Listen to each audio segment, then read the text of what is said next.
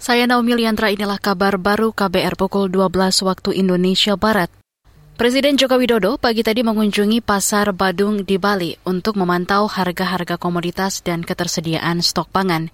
Kegiatan ini dilakukan usai berakhirnya konferensi tingkat tinggi KTT G20. Menurut Jokowi, hasil pemantauan bakal dijadikan dasar kebijakan pemerintah. Seperti biasanya saya ingin melihat harga-harga barang, kemudian inflasi yang itu penting dalam hal kita membuat policy dari keadaan-keadaan yang ada di pasar. Presiden Jokowi menambahkan pengecekan harga di pasar rutin dilakukan di setiap kunjungan kerja ke daerah. Jokowi biasanya berdialog langsung dengan para pedagang untuk mengetahui kendala dan permasalahan yang tengah dihadapi mereka. Kita ke Aceh.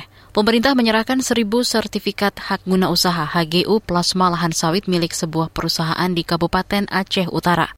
Targetnya sebanyak 2.000 hektar lahan bakal dibagikan, masing-masing 2 hektar per keluarga. Menteri Agraria dan Tata Ruang Hadi Cahyanto berharap penyerahan sertifikat HGU plasma lahan sawit ini bisa mengurangi angka pengangguran dan peningkatan perputaran ekonomi masyarakat. Tentunya yang pertama adalah supaya kelapa sawit ini bisa berkembang dengan baik, tentunya rakyat akan merasakan secara langsung. Karena niat baik dari direktur kan luar biasa untuk rakyat.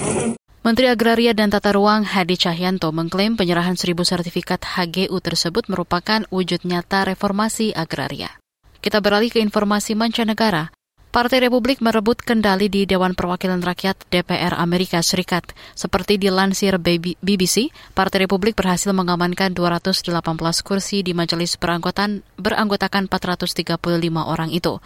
Dengan kemenangan tersebut, Partai Republik berpeluang menempatkan Kevin McCarthy sebagai Ketua DPR menggusur Nancy Pelosi dari Demokrat yang menjadi pimpinan saat ini.